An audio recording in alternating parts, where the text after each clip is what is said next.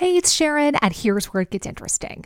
Raise your hand if you want salon perfect nails for just $2 a manicure. Yeah, me too. With the and June Manny system, you can say goodbye to expensive services that take hours and hours and love your nails more than ever. I would know I've been doing it for years.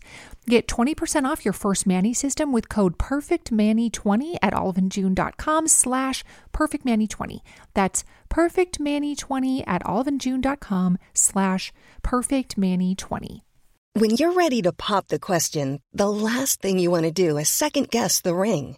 At Bluenile.com, you can design a one of a kind ring with the ease and convenience of shopping online. Choose your diamond and setting. When you find the one, you'll get it delivered right to your door. Go to Bluenile.com and use promo code LISTEN to get $50 off your purchase of $500 or more. That's code LISTEN at Bluenile.com for $50 off your purchase. Bluenile.com code LISTEN. Want to teach your kids financial literacy, but not sure where to start? Greenlight can help. With Greenlight, parents can keep an eye on kids' spending and saving, while kids and teens use a card of their own to build money confidence. As a parent, you can send instant money transfers, set up chores, automate allowance, and more. It's a convenient way to run your household, customized to your family's needs, and the easy way to raise financially smart kids. Get started with Greenlight today and get your first month free at greenlight.com slash ACAST. Den här veckan är vi lyckligt sponsrade av Läkerol Dents. Det är alltså tuggpastiller som innehåller 50 xylitol. Jajamän. Xylitolet gör ju att emaljen blir hård. Eh, mineralisering kallas den processen. Det är ju fantastiskt att snaska på någonting väldigt gott samtidigt som du gör mer eller mindre underverk för dina tänder. Och Sanna, du vet ju att Läkerol Dents är min nya kompis den här sommaren. Mm. Och det passar mig perfekt för du vet ju också att jag är en pastillmänniska utan dess like. Jo tack, jag har märkt det. Mm. Jag har ju rakt nedstigande led från farmor Inga som jag tror aldrig har setts utan en Läkerolask på Katrineholms gator. Salig där uppe. Kanske finns hon i himlen. Kanske finns, har hon med sig sina pastiller i himlen. Troligtvis.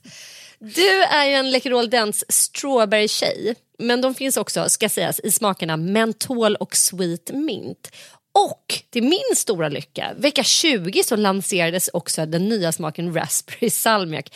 Den har gått varm i bilen tur och tur till Göteborg kan jag säga. Alltså vi har ätit till förbannelse ra raspberry salmiak. Så god. Då kan jag passa på att berätta då att man inte behöver känna att man överkonsumerar även fast man eh, sitter i bilen och tuggar i sig. För tanken är ju om det här ska verka verkligen, den här munhygienens xylitol, så ska man ta det efter man har druckit och ätit varje gång. Tre till fyra gånger per dag, två pastiller ungefär. Det är en lagom dos för att det ska funka. ja.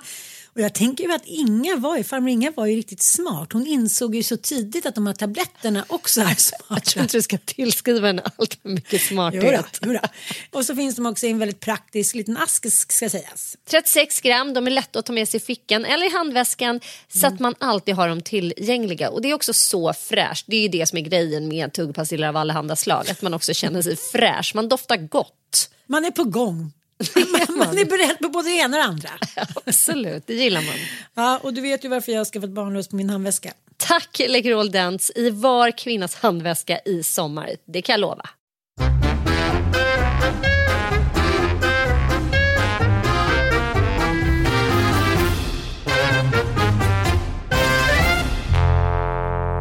Hej och välkomna till podden Inte din morsa.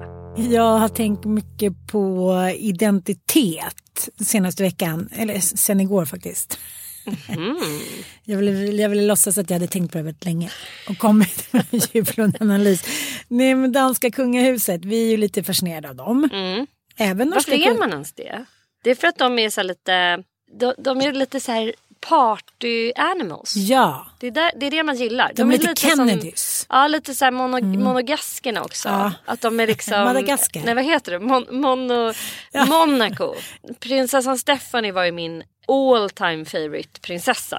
Kommer du ihåg? Gift ja, med någon cirkus... Ja, bodde någon cirkusvagn. Ja, hennes... Bastarder. det var ju så mycket tokigheter hos oss heter där. Ja. Och hon skulle ha en liksom musikkarriär och Alltså hon bara sket fullständigt i konventionen och skulle helt plötsligt åka med liksom en cirkus. Och, sen var hon ihop med någon snubbe som var en manlig strippa eller något sånt där. Ja, det, det har liksom varit så mycket Och det, var, det, var härliga... o, ja, det var olika, det var Han var mycket otrogen. lädertangas, var det inte det? Men det var mycket så här paparazzi-bilder när han Ja, just det. Han blev lurad, han satt med två liksom, tjejer och hånglade vid en pool. Kommer du ihåg det? Han och hans polare? ja, men han blev lurad då. Men jag tänker så här, man bara gud vad oansvarigt. Men, men de kan ju inte ha varit så gamla, vad kan de vara, så här, 24 år? Ja. Som att man inte själv gjorde galen, som att man inte fortfarande själv gör galenskapsgrejer.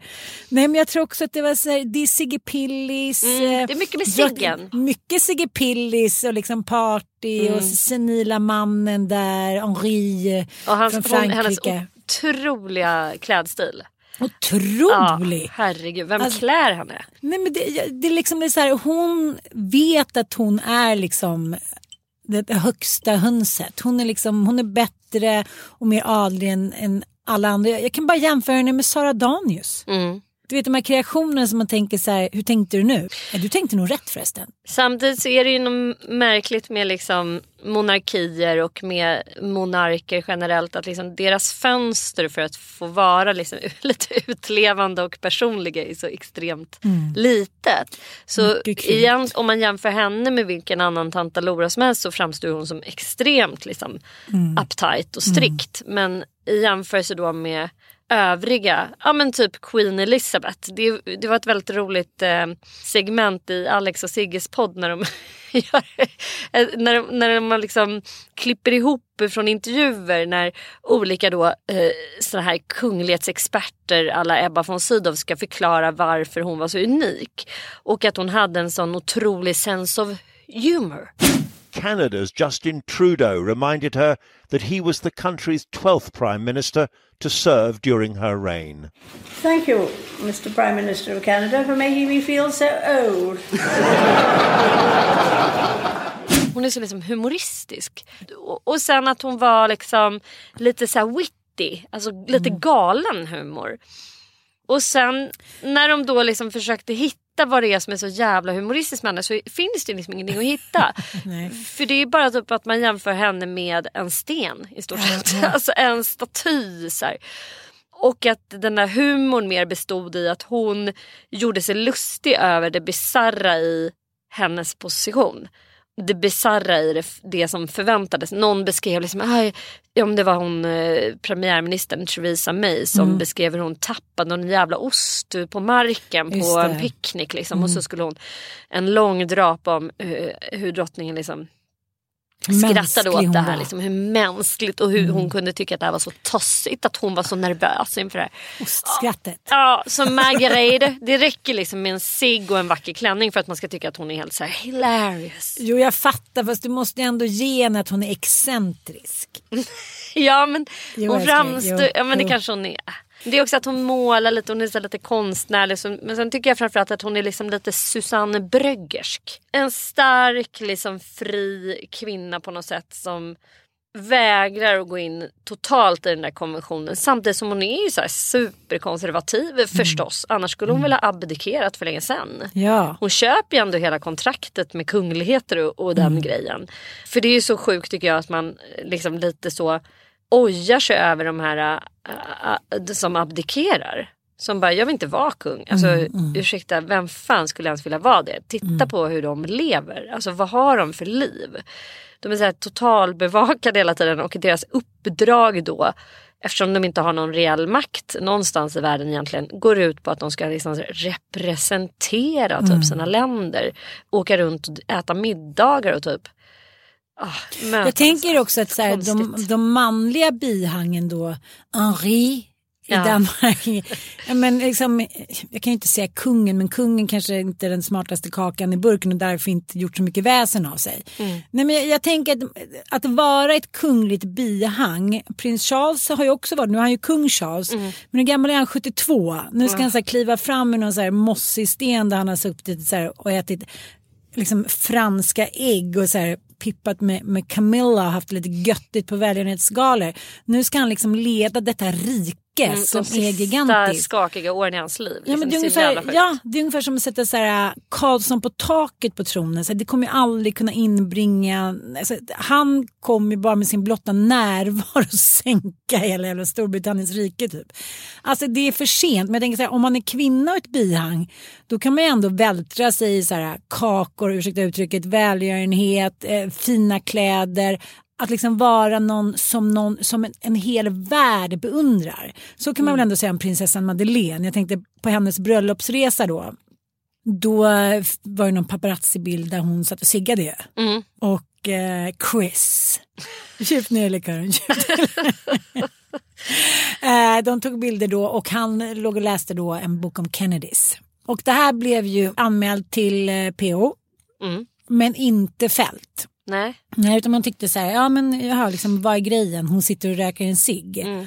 Och jag tänker så här, om 200 år, om man tittar tillbaka rent historiskt, alltså cigaretten som var i var kvinnas mans hand, det var ju så här ungefär som, vad ska vi säga, som att äta en banan, Mm. 400 gånger dagen. Det är ju det nya moraliska rättesnöret. Alltså Mm. människor med cigg i en viss klass, om det inte är så här party-cigg, för då får alla röka. Typ Mm. 600 cigg på en kväll. Men hur olika så här, moral och liksom klassmarkörer som vi inte- riktigt vågar prata om. Liksom. Jag tycker det är så intressant. En kompis till mig hon, eh, hon är men, stylist och så var hon liksom, men, gjorde något jobb för något möbelföretag och så gick hon ut och tog en cigg liksom. Mm. Kommer hon in så här, som att hon vore liksom, ja, men, tyskhoran typ eller spete, så här, 20 blickar som var så här, var du ute och tog en cigarett? Hon bara, eh, ja. Vi har, inte, vi har inte den policyn här. Nej. Hon bara, nej okej, alltså som att hon vore, du vet, a dirty hoe typ. Ja men Ja. lite, den känslan fick hon. Är du liksom så pass intelligensbefriad så att du fortfarande röker? Det är liksom lite den grejen. Ja, ja. Jag vet, det är, det är faktiskt, måste jag säga att det är spännande att vi har fått vara med om det. Att Ja. Från en så här väldigt eh, giftig produkt som har varit totalt socialt accepterad. Att man faktiskt Marlboro stå- man, cowboy med typ en Ja. cigg i mungipan. Och det var inte det att man inte visste att det här var jättefarligt och giftigt och orsakade lungcancer utan det visste man ju liksom redan så att säga på vår tid. Pratade Men- vi tyst om. Nej men förstå också att Ingen vi har sig. levt en tid när man fick röka nere på tunnelbaneperronger. Jag minns det så väl hur jag Mm. stod och liksom rökte nere på Zinkensdamms eh, tunnelbana på väg till skolan. Och alla dessa liksom middagar på krogen. Man bara, Ja. ah, åt typ en tugga vid efterrätten sen fimpar man i så här. Gud ja! Ja. Och, och att man satt liksom med sina barn på en krog. Cigarettdieten, den mest Ja. effektiva dieten. ja, det var... Och i Frankrike, i Paris där vi bodde, där fanns det ju liksom biolokaler där man fick röka. Det, var har ju bara att sitta och det har jag röka. gjort i New York. Ah, och dricka bärs. I och för sig trevligt. Varför låter vi så... Det är inte utan att man... Blå Men vad blomma. var det jag var sist där man faktiskt fick röka inomhus? Jag var helt så här. Gud det känns som en rest från liksom. äh, Det här är inte klokt. Var Mm. Ska vi jag verkligen... Ja, Det kan det ha varit faktiskt. Det blir Auschwitz-stämning. Ja. Förlåt, men det blir ju det när någon säger så här, nu röker vi inne. Mm. Nej, det kan vi inte och snart kommer barnen hem. Och, det, det finns ju en, en, en moralpanik liksom överlag och man vet aldrig riktigt när den ska så här, tändas upp och rivas igång. Det har i och för sig varit rent historiskt, det går upp och ner och fram och tillbaka. Men, men nu finns det ändå någonting vi kan samlas kring. Och det tror jag också när du pratar om monegaskerna. monegaskerna. Caroline har också alltid rökt på bild. Prins Rainer. Ja, också. ja, både och Stefanie, alltså Ja. nej nej. Där, Mm. och det, är, liksom- mycket cigg där på henne. Men festen har ju flödat och det gör den ju i de klasserna där man inte alltid behöver gå upp liksom, dagen efter. Man måste ju så här underhålla sig med någonting. Och det, är liksom, det, det hålls ju inom eh, hemmets fyra väggar, det som sker i överklassen. Och det tycker jag är så otroligt spännande också med, med just det här som vi ska prata om i vår nya lilla extra podd på onsdag. För varje onsdag eh, från och med nu på onsdag så kommer eh, vi ha en liten extra podd som heter Fråga Freud. Ah. Och då har vi bett eh, någon vän till oss eh, ställa en, en eh, fråga av, ja, det kan väl vara populärvetenskaplig vetenskap, men, mm, eller man kan egentligen fråga allt möjligt om det mänskliga beteendet. Allt som rör det mänskliga beteendet, mellanmänskliga relationer och sådär. Och även ni som lyssnar är varmt välkomna att inkomma med frågor. Vi har ju en Instagram-sida, inte din morsa heter vi där. Gå in där, skriv ett DM så kanske vi plockar upp just din fråga. Sjukt spännande. Vi har ju haft det här som ett segment. Vi testade ju det i podden och vi bara kände att nej, men det här måste bli en egen podd. För det kom, det, det, vi vill ju sväva ut. Det blir liksom en, en helt egen så att säga, halvtimme om bara eh, just det segmentet. Så det passar bättre som en sån spin-off tycker vi. Precis. Så glöm inte att lyssna, det blir roligt.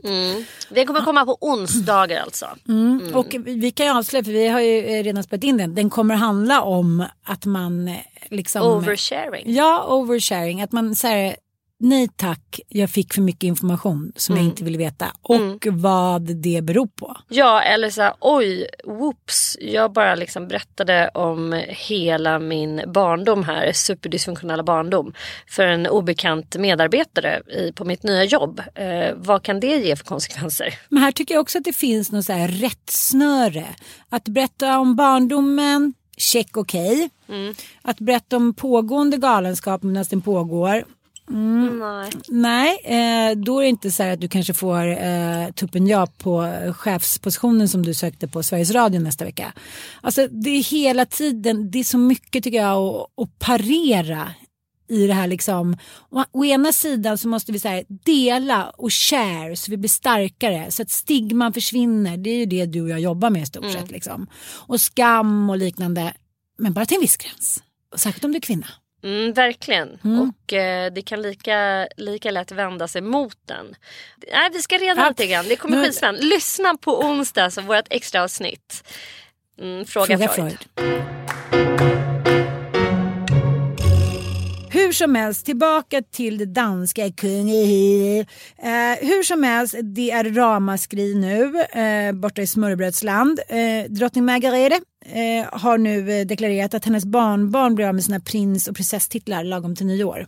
Nu blir de grevar och grevinnor. Först tänkte jag så här, ja men gud vad töntigt. Men sen så förstår jag lite för deras då pappa, prins Joakim, pappa till prinsen och prinsessorna som påverkas då, han eh, säger då vid nyår tar deras identitet ifrån dem och jag är väldigt, väldigt ledsen över att se dem så ledsna oförstående över det här, säger han då in, i en intervju med danska BT. Och så tänker jag, ja det är väl lite i och för sig som att jag skulle säga till Bobo imorgon så här, nu vill jag han i och för sig inte heta Bobo, men nu heter du Bobo Karleskog.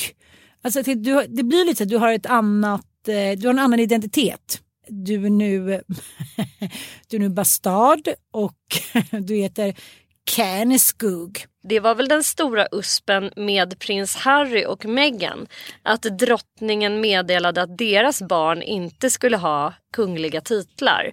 Och det gjorde ju Meghan framförallt galen för att då hade de inte rätt till eh, personskydd bekostat av eh, den kungliga kronan då eller vad man ska säga. Så det innebär ju liksom en åtstramning av privilegier förstås. Ja. Alltså boende och pay, apanage och sånt där som de inte då har rätt till. Så och med självklart. 2016 så är det bara prins Christian, för han ska bli knug då, som Mm. har rätt till apanage. Det här är liksom eh, rätt hårt. Och jag tror att det här är ett led i att liksom eh, modernisera kungahuset för att rädda kungahuset. Och det kan man ju inte riktigt säga att eh, ståuppan Elisabeth har gjort. Där snackar vi om så mycket tillgångar.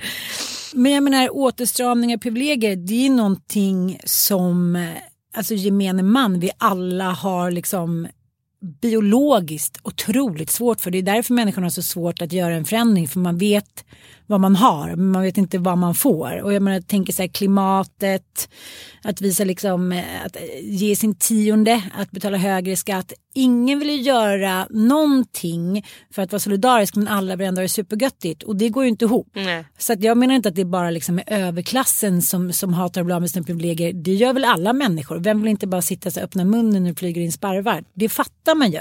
Men det är liksom sådana enorma pengar som de eh, besitter. Det är så här, ja, men det var ju mycket klagomål liksom, eh, kring det vid eh, Elisabeths bröllop. Att det ska läggas ner sådana liksom, miljarder kronor på det. Men hennes begravning. Ja, och sen går folk, liksom, sen går arbetarklassen och typ tigger mat utanför. Och det är det som är så sjukt med Sverige. Vi är ju det landet som på andra plats i världen har mest ofördelade tillgångar. Att typ så här 400 pers äger 80 procent av Sveriges liksom, pengar. Men det tror man ju inte. Det är också en falsk på något sätt Vi är ingen förebild historieskrivning. längre, Nej men vi tror ju så här. Vi har ju tagit upp den boken förut men jag säger det till alla som är lite intresserade av liksom fördelningspolitik och hur det har sett ut historiskt i Sverige. Liksom från så här feodalsamhälle fram till där vi är nu. Men att vi tänker att så här, men vi lever ju ändå i ett av världens mest jämlika länder. Där liksom vi, hela liksom du-reformen och ing, en annan är så god som en annan och allt där. Men den boken som verkligen har fått mig att sådär få en helt annan bild av Sverige och det är ju Björn af Kleens och Jorden vi ärvde. Ja. Vilken jävla Käftsmäll. käftsmäll och vilken, det där är också så här, alltså den boken gör ju för fan att man blir så stolt över liksom, eh, journalistiken, att journalistiken finns. Att man faktiskt bemödar sig om en ganska enkel sånt gräv. Att man bara kollar upp så här, men adel, tänk att vi ens har adel. Det är liksom Hela en- boken ska som- vi säga, ni som inte har läst den, den handlar om det uråldriga feodalsystemet, fideikommiss. Ja, fideikommiss där man liksom ärver då orörd egendom från far till äldsta sonen. Och de ärver då tutti. Tutti. Alltså, det kan vara så här soc-bidrag för syrrorna och de andra. Alltså liksom, Ja. det, han ger sådana exempel. Och det som jag tycker är det mest beklämmande och som inte heller är konstigt. Det är otvungna och nedlåtande sättet som greve och baron bara liksom snackar om andra som inte är deras klass. Som att de vore så här en påse skit. Jag menar att det också finns liksom grevskap framförallt i Skåne då. Där några utav Sveriges största så sammanhållna eh, adels då, jordägaregendomar finns. Där man på riktigt så här, hälsar på greven genom att typ så här, bocka och buga fortfarande med mössan i hand. Det är så jävla sjukt.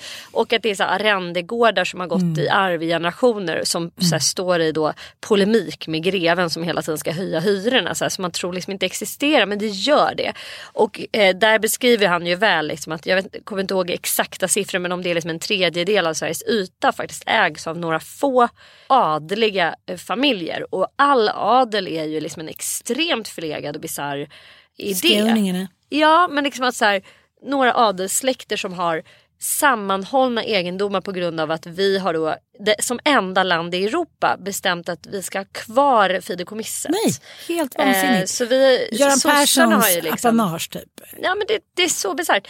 Om ni är sugna på liksom att få en utökad förståelse för eh, några få svenskars enorma rikedomar. Och att vi som enda land i typ Europa också inte har fastighetsskatt och arvsskatt. Eh, att så här, vi får för oss att vi är så jäkla röda och sosse men det är vi ju faktiskt inte. Nej, du bor ju till exempel i en herrgård. Ja. Nej men jag menar det är väldigt, ja, men det är väldigt lätt att säga och det andra hit, jag menar, vi har ju alla Men jag ska bra. säga en ganska spännande grej med vårat hus. Det är ju inte en herrgård. För en herrgård får bara ett hus kallas om det har ägts av en person som är adlig. Då så. Mm, så vi bor på en gård. Okej. Även om de har försökt liksom göra huset så att det ska se liksom, Mhm. med då ett så kallat säteritak.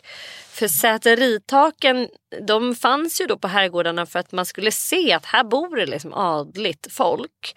Och adens privilegier var ju att de fråntog, alltså de behövde inte betala skatt i samma Nej. utsträckning som De andra. fick ju också efter krig och liknande så var det så här, här De fick du. behålla sina krigs... Eh, och de skulle ju då liksom hålla... Eh, de skulle ha soldattorp, de skulle upplåta hästar för strid och sånt där. Det fanns ju massa sådana regler. Mm. Men hur som helst, våran gård då, det som har gjort, eh, och det kan man se om man tittar i så här historiskt vem som har ägt den här gården.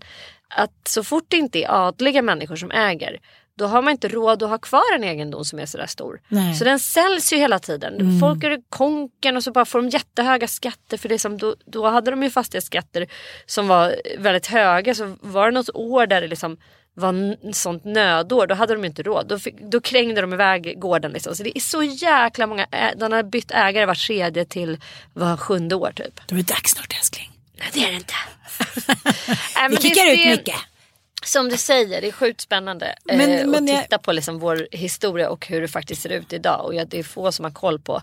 Och det här med miljardärer, att vi liksom har en sån, eh, alltså bara senaste tio åren sedan utförsäljningen av allmännyttan så har vi pratat om så här ryska oligarker. Men titta på våra svenska oligarker. Alltså vi lever i sig. utvandrarmentalitet. Så här. Här sitter vi och letar potäter. Nästan alla svenskar. Det här, nej, det är inte så. Det här, Men jag tycker också att det är, as. det är typ Carolina Neurath som har gjort en insats och granska liksom extremt rika människor. Men i övrigt så det måste vi ta på oss liksom, som journalister. Så här, det är ingen som har lyckats riktigt skildra det här eh, så att det har blivit allmän, så att det ko- kommit till allmänhetens kännedom.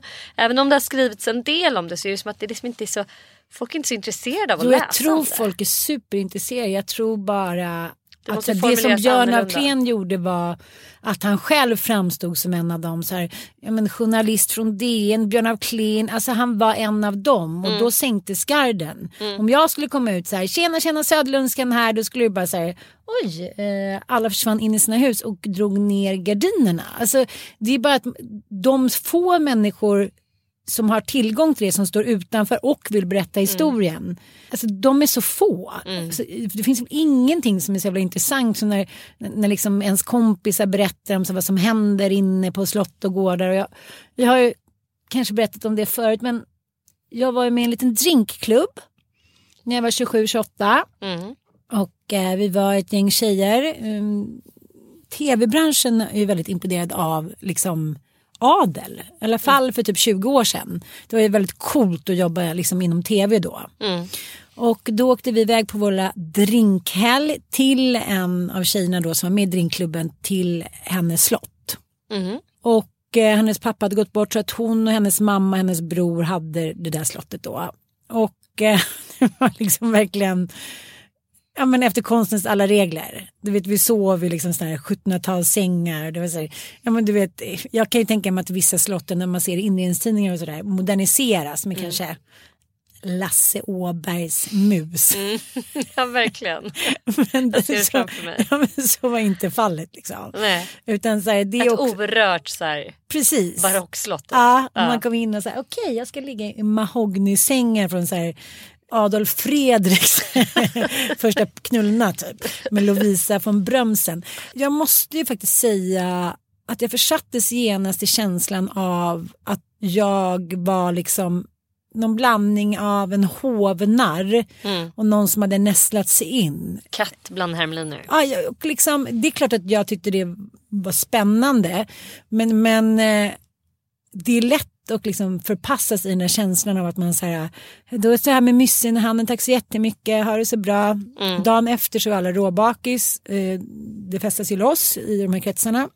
Och eh, vi låg ner på bryggan och skulle berätta då men så här, vilka skolor vi hade gått i och eh, betyg och lite så här, vilka problem vi hade haft och det. Jag bara, gick eh, högstadiet i Kvickentorp, eh, Sveriges sämsta högstadie, framröstat flera år i rad. Där Bobby Bög eh, testade lite på småkillarna. Och nej men alltså, det var, och sen gick jag första gymnasium. Farsta, knivfarsta, talas om det. Och eh, det var liksom parodiskt. Men hur mycket jag än försökte så kunde jag liksom inte skaka av mig den här känslan av att jag var, att jag var liksom lägre klass. Att jag var en sämre människa. Ja. Och, och tillbaka till identitet då. Så handlar ju, apropå de stagerstanska kungahusen, att om någon säger att man är någonting Mm. med någon, liksom, med någon titel eller något namn. Då är det ganska lätt att iklä sig den rollen. Mm. Och ta någon ifrån en det namnet. Ja, det är väl därför så många eh, kvinnor och också män behåller sina mer kända mäns namn. Eller kvinnors. Jag kan inte se någon annan anledning alls. Nej, alltså även om vi inte vill tro det att vi lever liksom i ett samhälle där det finns hög status och låg status och det finns olika typer av identiteter som har ett högre kulturellt värde för oss. Så vi vill låtsas att det inte är så men det är så självklart. Ja. Att vissa namn liksom klingar eh, kittlar till lite och att vissa eh, släkter, liksom att vara en del av dem såklart eh, skänker någon typ av mervärde för människor. Liksom. Självklart. Och det, det är väl bara intressant att man tycker jag vet om det så att man inte låtsas... Alltså, det, det, det är det jag tror att vi försöker komma åt här. Att så här man, jag avskyr att leva i, i någon slags så falsario. En känsla av, mm. förstår jag? Så, nej men mm. han är så god som en annan. Nej men mm. det tycker inte folk generellt. Nej. Eh, faktiskt. Nej, Även om man säger det, sitter mycket man mer bara pumpar ut det till barn. Det gör det. Det liksom sitter ja. inpräntat. Alltså det är också så bisarrt att jag har ju ett barn som ju har en pappa som är adlig. Mm.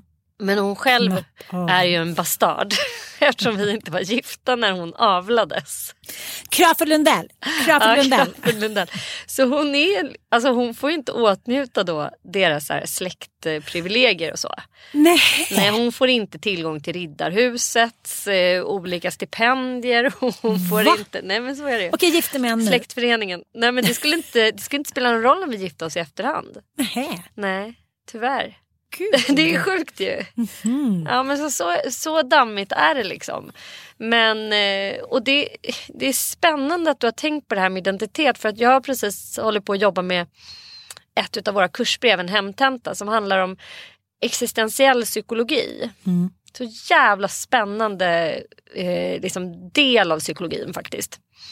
Som ju handlar väldigt mycket om om eh, alltså de stora frågorna. Det tangerar ju väldigt mycket filosofi. Viktor Frankl som du har varit inne på och älskat. Eh, han skrev ju Livet måste ha mening. Och han var ju själv eh, överlevare efter eh, förintelsen och han gjorde ju sina stora studier liksom, kan man säga på överlevare. Mm. För att försöka förstå varför de eh, klarade av liksom, att skapa liv efter att ha varit med om något så fruktansvärt som förintelseläger. Och eh, det han konstaterade var att man klarade sig bättre om man eh, liksom hade en känsla av att, liv, att det fanns, finns en mening med allting på något sätt. Det var typ mm. hans conclusion. Mm. Men han var ju eh, eh, en av de främsta förgrundsgestalterna inom den existentiella psykologin. Liksom. Att terapi handlar väldigt mycket om att guida sin klient eller patient i så här, frågor angående moral, etik, vem är man, vilken identitet har man? Och då läste jag precis, nu kommer jag fan inte ihåg namnet men det är ganska sekundärt, inte så jävla viktigt tycker jag att namedroppa här för det är intressant intressanta var innehållet i hans teori som handlar väldigt mycket Get up to 30% off wedding jewelry at BlueNile.com and remember the joy of your wedding day forever. Blue Nile offers everything from diamond and lab grown diamond wedding bands to classic pearls, earrings you can design yourself, even gorgeous sapphire pieces for your something blue. Whatever you choose, Blue Nile's pieces are all graded for excellence for a lasting memento as brilliant as the love that inspired it. Right now, get up to 30% off at BlueNile.com. BlueNile.com. Want to teach your kids financial literacy, but not sure where to start? Greenlight can help. With Greenlight, parents can keep an eye on kids' spending and saving, while kids and teens use a card of their own to build money confidence. As a parent, you can send instant money transfers, set up chores, automate allowance, and more. It's a convenient way to run your household, customized to your family's needs, and the easy way to raise financially smart kids. Get started with Greenlight today and get your first month free at greenlight.com/acast. Many of us have those stubborn pounds that seem impossible to lose, no matter how good we eat or how hard we work out. My solution is PlushCare. PlushCare is a leading telehealth provider with doctors who are there for you day and night to partner with you in your weight loss journey. They can prescribe FDA-approved weight loss medications like Wagovi and Zepbound for those who qualify. Plus, they accept most insurance plans. To get started, visit plushcare.com slash weight loss. That's plushcare.com slash weight loss. Hiring for your small business? If you're not looking for professionals on LinkedIn, you're looking in the wrong place. That's like looking for your car keys in a fish tank. LinkedIn helps you hire professionals you can't find anywhere else, even those who aren't actively searching for a new job but might be open to the perfect role. In a given month, over 70% of LinkedIn users don't even visit other leading job sites. So start looking in the right place. With LinkedIn, you can hire professionals like a professional. Post your free job on linkedin.com slash spoken today. om identitet. Att redan som barn, jag kände igen mig så jävla mycket. Jag som har tänkt på min skoltid väldigt mycket. Vilken enorm impact lärarna hade faktiskt över att skapa självbild eh, hos i alla fall mig. Du vet så här, redan när du börjar i ettan så antingen kan du redan läsa när du börjar skolan eller så kan du det inte. Och redan där får du ju liksom en idé eller en feedback från din lärare. Aha, kan du redan läsa? Wow! Eller, Ja. alltså förstår du? Att man redan där Ingen blir... fara, du lär dig med tiden. Ja, du får liksom en definition, du blir definierad. Är du ett läshuvud eller är du det inte? Det börjar liksom redan där. Och sen får du hela tiden liksom någon slags feedback på vad du är bra respektive dålig på. Och förstå att hela mitt så här, Hela mitt yrkesval och hela mitt studieval baserades på att jag hade två lärare som tyckte att jag var bra och det var i religionsvetenskap och i svenska. Det är så jävla obehagligt att jag bara, jaha då ska jag plugga religionsvetenskapliga programmet på universitetet. Alltså det här är, alltså enligt eh, just den här då filosofen eller eh, psykologen, forskaren. Han har också skapat idén om affirmationer. Att man kan faktiskt omformulera en persons eh, eventuellt då negativa självsyn. Liksom, ja, synet på sitt eget jag och på sin, sin egen identitet. Genom att ganska snabbt kan man få någon att känna sig så jävla mycket mer värdefull och må bra. Genom att bara säga till den personen att Mm. du är ju skitsmart. Jaha, är jag? Alltså, Okej då! Nej, men det är så Nej, hemskt. jag att det är så, här, vet, det är så vet. jävla så här, Det krävs två eller tre negationer för att det ska sätta sig i oss. Mm. Och att det sen ska sitta där. Som ett eh, liten etikett. Sån är jag. Så det har jag tänkt Mm. Och det hade ju ingen mycket. koll på när vi växte upp. Då kunde man ju allt det här med köpa rosor till de populäraste. Ja. Är du slampa snygg? Är du ful? Är. Mm. du slampa? Är du liksom överklass? Är du underklass? Är du liksom... Kom bara Mm. ihåg det där med att jag hade stora fötter. Eller stora fötter, nu har ju alla mellan 40 och 42 som kvinnor. Men det var ju så här, jag och min syrra hade 40 i storlek. Det var så här, jag bara, jag har 39. 40 var liksom så här, det var som att du Det var fick så här, man bara inte ha. Nej men det var ett monster typ från liksom en annan värld. Det var så här, jävla 40, typ så här galenskap. Så min syrra, hon hade liksom, um, den tiden många hade pumps, men gud. Hon tryckte liksom in sina fötter alla lillebabs i de här två storlekar. För 38 var okej, det var liksom det kvinnligaste. Men 36 var lite så här weird. Sofie Edlund, hon har så här dvärg, så. 36, Ja. så dvärg. hon har heller inga drag. Hon ser så jävla konstig ut utan smink. Nej, men du vet, så här, kommentarer som man bara säger det var helt okej. liksom. Hon ser ut som en freak utan smink. Och hon har på tryckt i liksom, sina fötter, de här stackars skorna. De är ju helt deformerade. Hon har varit tvungen att operera dem. Bara för att så här, det var fult. Att ha sånt här är ändå liksom, ja, men, det, det kanske är, det här är ju 40 år sedan. Liksom. Nej det är inte ens 40 år sedan, det är 30 år sedan. Vad dum jag är. Nej, Jag vet inte och jag, jag tänker också, jag har ju börjat nu gå till PT. D-flex. Igen. Jag vet. Ja, men jag skulle Men du, börja på den är här så att du har bootcampen. gjort, ja, du har gjort alla dina operationer. Det Ja. får man inte glömma bort. Nej, så att han var så här, oj naveln har inte ens växt ihop, du kanske ska. Maybe you should wait, typ. Han hade någon. Så jag var så här, okej. Eh, och sen när jag började vara med på den där bootcampen, det är liksom, man känner ju att det inte är riktigt är läkt. Så nu uh, ska vi då tuna min kropp. Så att nu ska jag då uh, få något eh, program, liksom träningsprogram. Och då börjar vi prata om det där hur barnsligt lycklig man blir vare sig man bara går ut och springer, rider på en häst, går ut i friska luften. Sen kan man ju sitta och lära med sina 2000 självhjälpsböcker. Det är säkert bra på många sätt. Men till slut är det bara lite så här, men du vet, gå ut genom dörren, titta på en häst, spring en liten tur. Eh, inte vet jag, baka en chokladkaka, så här, sätt upp en ballong. Jag vet inte. Att, att det är liksom ibland så kanske det inte är så himla långt bort som man tror. Liksom. Att vi i dagens samhälle med all liksom, vi, vi har tappat vår identitet i att veta eller följa vår inre magkänsla. Så då blir alla de här böckerna, det har jag själv varit med om, så att du får säga till mig hur jag ska göra. Och eh, jag tänker på Frankel att det han sa, att du måste ju själv hela tiden varje dag vakna upp och så här, hitta en mening. Då sa i alla fall David att han eh, hade varit tillsammans med en kvinna en gång som lämnade honom och han var liksom helt oförberedd. Alltså helt oförberedd. Det har aldrig hänt mig. Ta i trä, ta i trä. Så här. Eh, och eh, han var liksom helt knäckt. Han mådde så dåligt. Han måste alltså hemma och typ men, käkade och struntade i att träna. Men så började han liksom affirmationer att han gick upp varje morgon och så sa han så att han skrev upp tio punkter om att han är bra. Och så sa han det till sig själv liksom. Han säger nej du kan inte bli bitter, så här, you're good. Ja, men massa grejer som han liksom boostade sig själv med och det började han med varje morgon och eh, det sa han till sig själv varje kväll. Och jag tänker så att om ingen annan säger till en så får man göra det själv. Men, men jag tänker som till barn till exempel. Hur lätt jag också sätter liksom en etikett på mina barn. Men så är Bobo. Men så, han är precis så. Och han är så lik den. Och, ja, men, exakt kopia.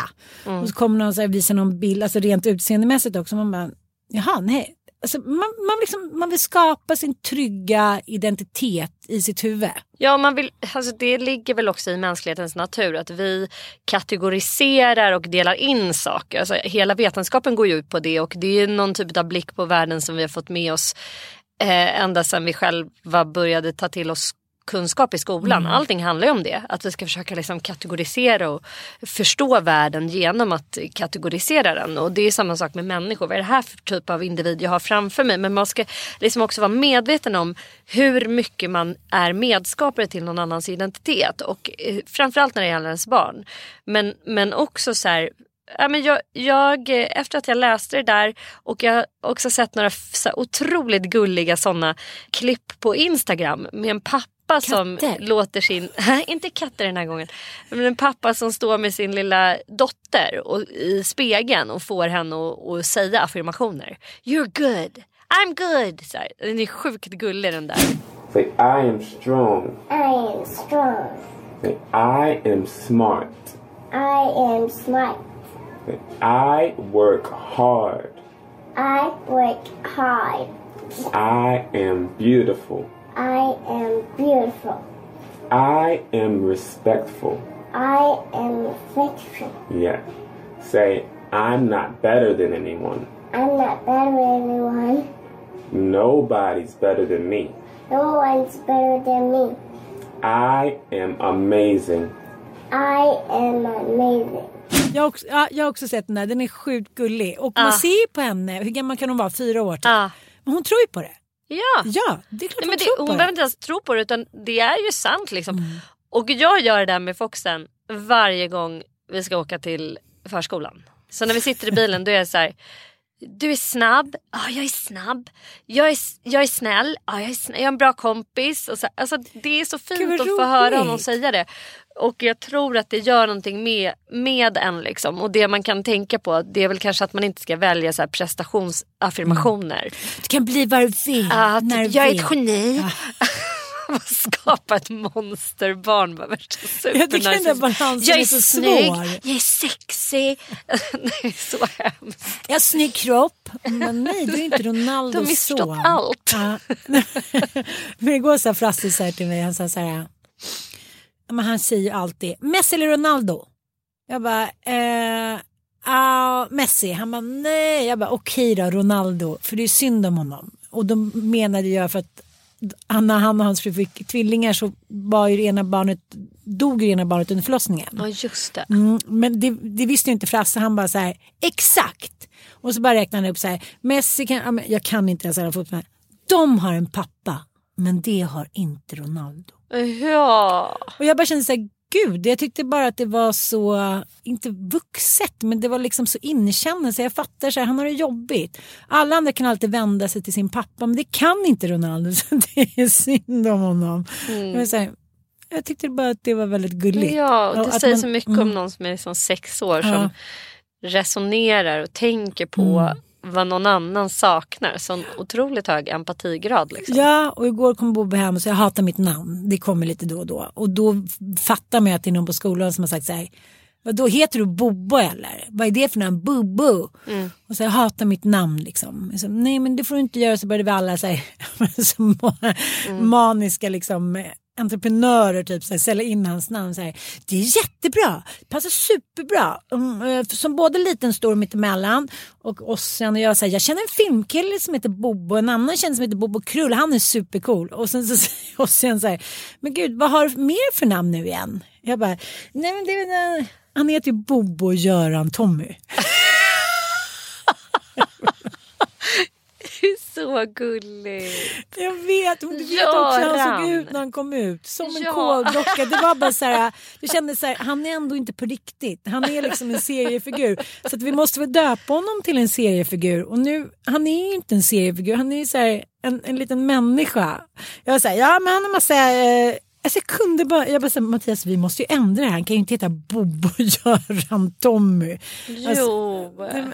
Det är världens finaste namn. Tänk ute i Bromma där när han går i fyran så här. Ah, kolla Bobo Göran Tommy. Men vadå? Skit i det. Jag tänker att också namnet som man sätter på sitt barn också skapar såklart deras identitet jättemycket.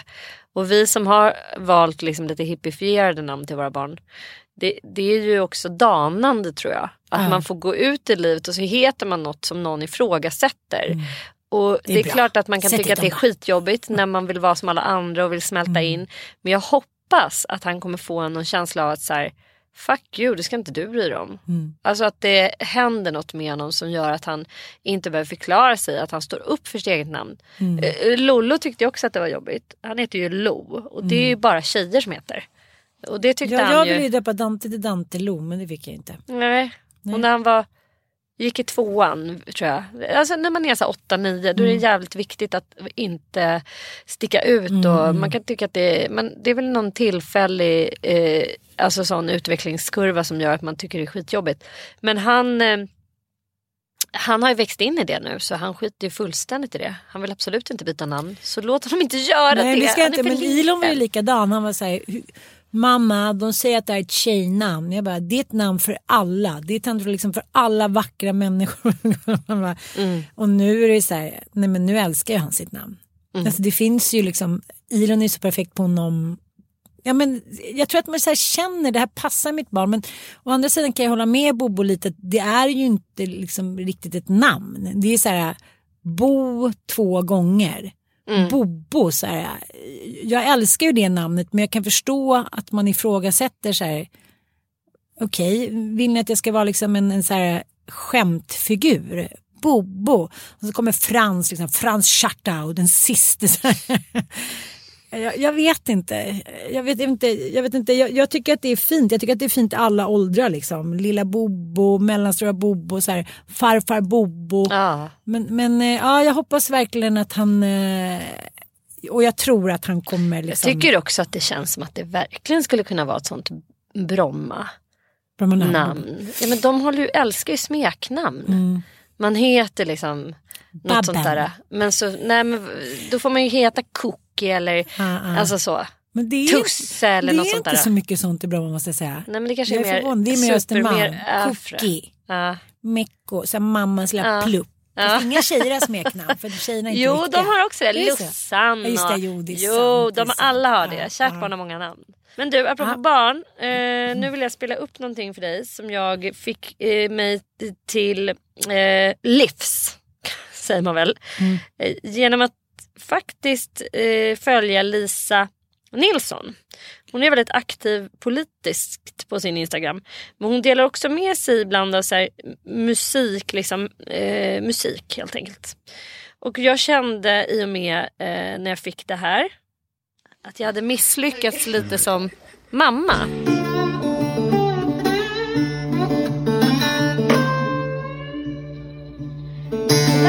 Slide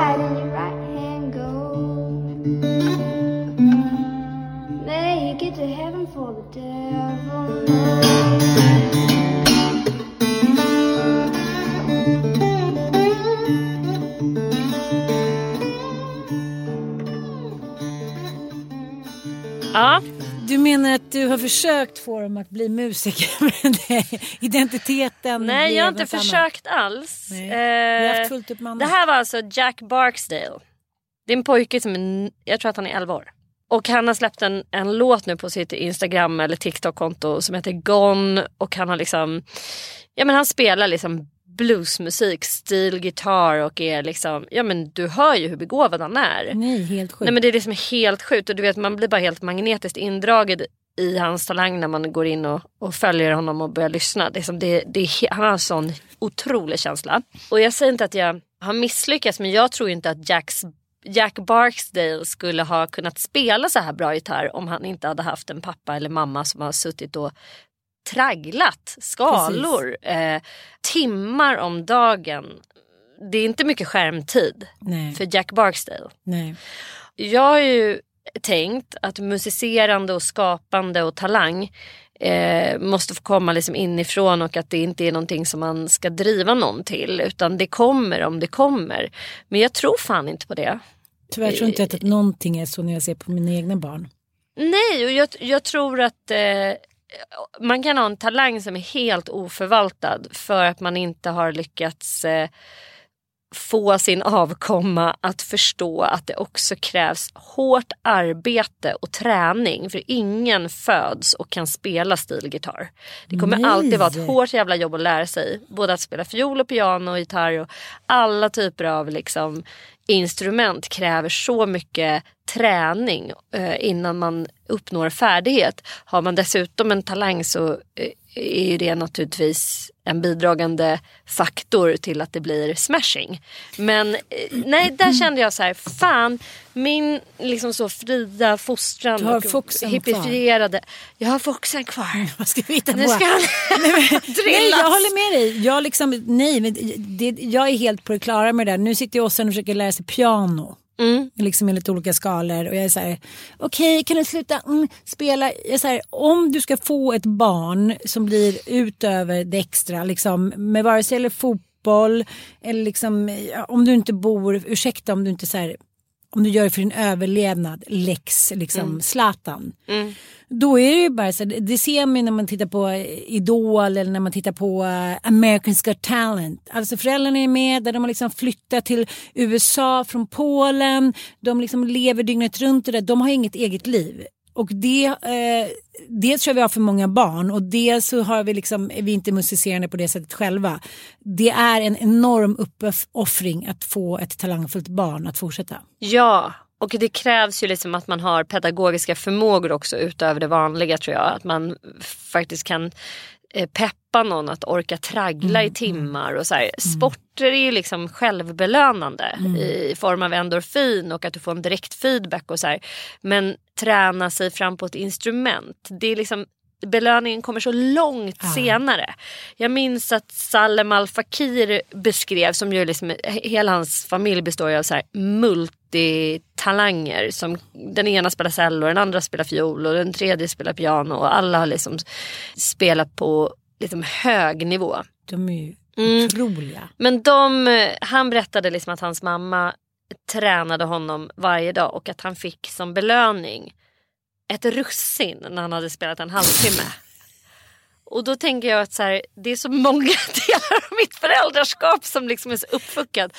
Mina barn de är så här, om jag ska sitta här när du poddar och har tråkigt ska du fan köpa mig ett lego. Alltså de är så fru, alltså, Nej, nej. they are too spoiled. Det är få liksom allmosor och gåvor som kan göra dem så pass motiverade. Alltså, det, de gäller ska inte, det är en bil för att de ska sätta sig och dra. Alltså, Ja, nej, men liksom, nej, jag är där har vi också gjort fel. I helgen skulle Bobo så hjälpa till att plocka upp äpplen. Han bara, okej, jag har plockat upp tio äpplen, 100 kronor tack. Så här, nej, han var helt mas, han tyckte på riktigt. Och så dammsög han lite liksom in i vardagsrummet. Han vill ha 300 spänn för det. Jag bara, det får inte ens, alltså jag får inte det till från krök. jag bara kände så här, jag, men vet du, tack för att du tog upp det för jag kände så här, nej men nu måste jag med de här två sista, eh, där liksom ändå finns liksom lite mer lugn, det finns en liksom till förälder som är med mig, bla bla. Nu måste, så här, nu måste jag strypa strypa liksom peng, pengar, presenter. Okej, får jag en glass? Får jag? Hmm, hmm, hmm. För grejen är att det är väl klart att så här, hela tiden om man får det man förtjänar eller hela, liksom, det, det är så jävla uppenbart. Det är också så här, identiteten. Kolla min uppväxt. Här, ah, nu var ju jag eh, liksom väldigt driven själv. Men min pappa var på två matcher så här, skärp dig, dribbla lite bättre. Jag bara, käften gubbe typ.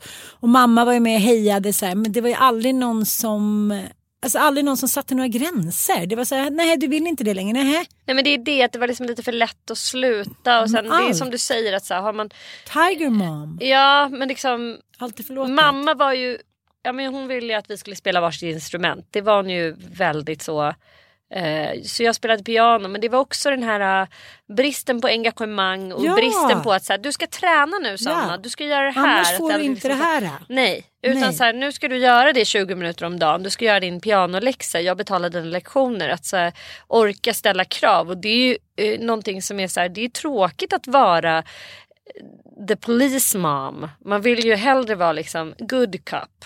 Man Jag vill inte vet, vara bad cup Fast hela det tiden. hjälper dem ju att Mm, vara det. Och Det handlar där har vi misslyckats. och där har vi Vi är misslyckats. två russin. Men jag skulle säga att en stor eh, del av vår generation har gjort det. Ja. Det handlar också om att så här, vem fasiken har tid att så här, dribbla sina barn och se till att de gör det när man har ett så här, heltidsjobb. När man jobbar 9 till 17 och har massa egna så här, issues och grejer och saker och självförverkligande och sådär.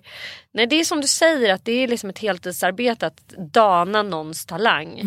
Ja, hur som helst, den här killen Mm. Jack, han verkar ändå, jag tycker att man hör i hans eh, eh, spelande att så här, för jag tänkte också haft lite sån misstro gentemot föräldrar som håller på sådär med sina Ja, barn. alltså Lex. Britney Spears. Att man bara ska så här, skapa liksom någon framgångsmaskin. Någon som så här, har någon talang och så ska man bara säga ah yes det här kan vi liksom, det här kan gynna oss alla.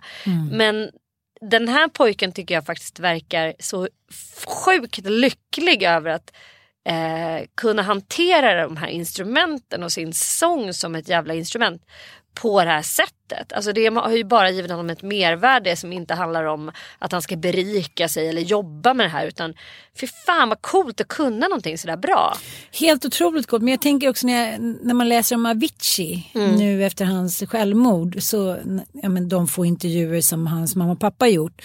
Så handlar det mycket om att det är klart att, det har varit ett kreativt hem. Men de har ju inte varit så himla inblandade i hans liksom maniska produktion. Från att han var liksom 14-15 år så satt han dygnet runt och producerade musik på sitt pojk, i sitt pojkrum. menar att det, det är där vi kan lägga vårt hopp.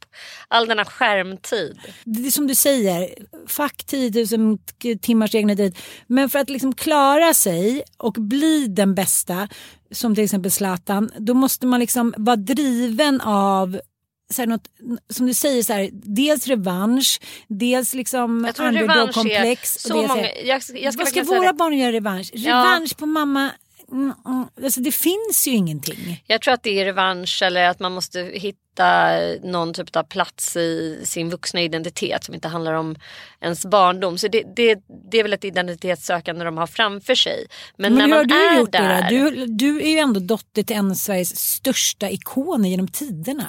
Har du aldrig tänkt så här, gud jag är Uffe Tuffe Räkas dotter, jag måste så här, skriva en roman som heter Vargsteppen. Eller är det så här, du och jag är båda ganska chosefria. Jag är ju barn till legenden Köris. Ja, men du har ju ändå gått i hans fotspår. Ja, men, vad är det för fotspår Nej, men min, mamma hade ju ganska Vad gjorde han av sin talang, liksom, ärligt talat? Han var ju jätteduktig, men det är så här, varför skrev han aldrig den där boken? Varför? Alltså det handlar ju om så här, oh, att, att, att aldrig ha pressat till att göra det där yttersta, yttersta, yttersta. Det måste jag ändå säga att min pappa har gjort. Och han Ja. har också gjort det helt utan sina föräldrars eh, piska mot Verkligen. ryggen. Alltså, Han- De ville ju inte ens att han skulle göra det. Men han, jag skulle tro att hans talang drevs väldigt mycket av revanschlusta. Och att liksom bli någon. Och, när man känner, och det tror jag faktiskt Zlatan om man tänker att så här, man får så hårt så motstånd överallt. Eh, överallt. Hela skolan är man så här, du är värdelös. Du, du, det är hela tiden bara massa jävla samtal om hur dålig man är och hur man inte passar in. Och så hittar man ett jävla fönster där man faktiskt är svinbra. Det är klart att man vill vara i det fönstret. Och jag man tänker, dras ju till Ja, man det som en magnet. dit, liksom. Det Ja. kan jag se på Frans med bollar. Det, är så här, det, det är liksom ingenting han ens tänker tänker på det är så här, det är han och bollen, Mm. han försöker med parkour och det ska spelas bandy. Han, så här, det är nästan som att han känner sig olycklig. Mm. Och det tycker jag att man kan se på Tiger Woods när man ser dokumentärfilmer om när han är liten. Nu har hans föräldrar drillat honom och kallat honom för Jesus från att han var tre år. Men det finns så tidiga filmer på honom där han typ så här, ärligt talat här, tio månader gammal. Sitter med en liten golfklubba så här, "Ah, timme efter timme efter timme och pappan är så här, men gud you're crazy man.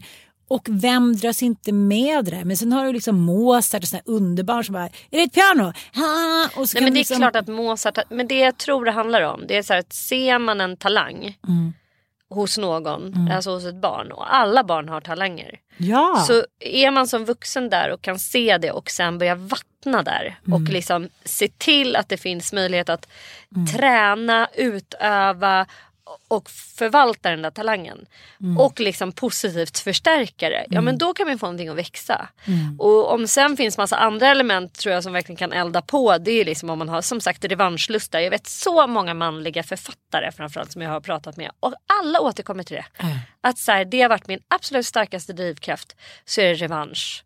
Lex Camilla Läckberg. Mm. Vi måste så här, som på håller på att ha hämnd. Vi var liksom fulast här, i skolan. Ja men alltså den är aldrig fel. Nej, Den jag typen vet, att man vill liksom ta plats, man vill man tycker inte att man har fått liksom, ja men man kanske har fått oförtjänt mycket skit. Och det måste hela tiden balanseras upp förstås av att man har tillräckligt driv och orkar göra någonting åt det där. Men jag tänker på angående liksom identitet. Om du liksom eh, växer upp i Ghana där det är så alla springer till skolan och är så maratonlöpare bara by nature. Ja, men det är inte svårt. Om jag skulle flytta till Ghana nu då skulle kanske inte liksom jag känna så här, gud jag ska bli eh, maratonlöpare. Alltså det handlar ju så mycket som i Bromma. Där är liksom, består alla andas ju Bromma pojkarna fotboll. Om vi skulle bott kvar inne i stan tror jag aldrig till exempel att Bobo skulle så här, gått omkring nu och bara jag kommer bli fotbollsproffs, jag kommer bli bäst i världen. Att det handlar om att man, liksom, man skapar ju en gruppidentitet liksom, och det är ju väldigt få människor som Zlatan som skapar en identitet lite för sig själv. Alltså, Är du med mig? Men just med musik tror jag att det är svårt om man inte så här, som du säger tragglar på. Nej, det är inte för sent, jag är kvar. Det är nu vi ska skapa några genier på ålderns höst. Ja, det är intressant. Ja det är det Eh, ja. verkligen. Ja, återigen har vi babblat bort en timma. Om talang, om kungligheter, om hierarkier. Som du säger, jag kan tänka dig att jag tidigt fick identiteten av liksom mest mina föräldrar tror jag faktiskt. att jag var ett läshuvud. Mm. Ah, mycket som anekdoter. Ah, Lanson Fransson mhm. Och liksom jag kan ju fort, jag vet inte ens, jag kanske inte är det, jag kanske aldrig var det. Men jag tänker så här, den första delen av ens liv, då är alla ungefär lika bra ärligt talat. Det, är så här, det handlar ju bara om att knäcka någon kod. Men, men någonstans sitter det ändå där liksom, ja, ah, jag kan bli akademisk, jag har läshuvud. Så jag känner så här, att pumpa sina barn med liksom lite högmod. Mm. Det Aldrig behöver inte fel. vara fel. Nej, det är bara bra. Högmod går inte före fall. Tack för att ni har lyssnat. Hej då! Hej då, tack för att ni lyssnar. Puss puss. Puss.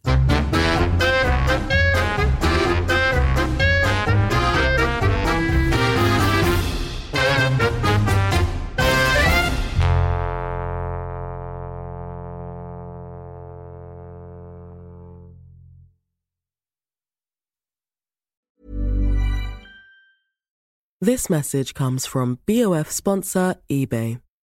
You'll know real when you get it.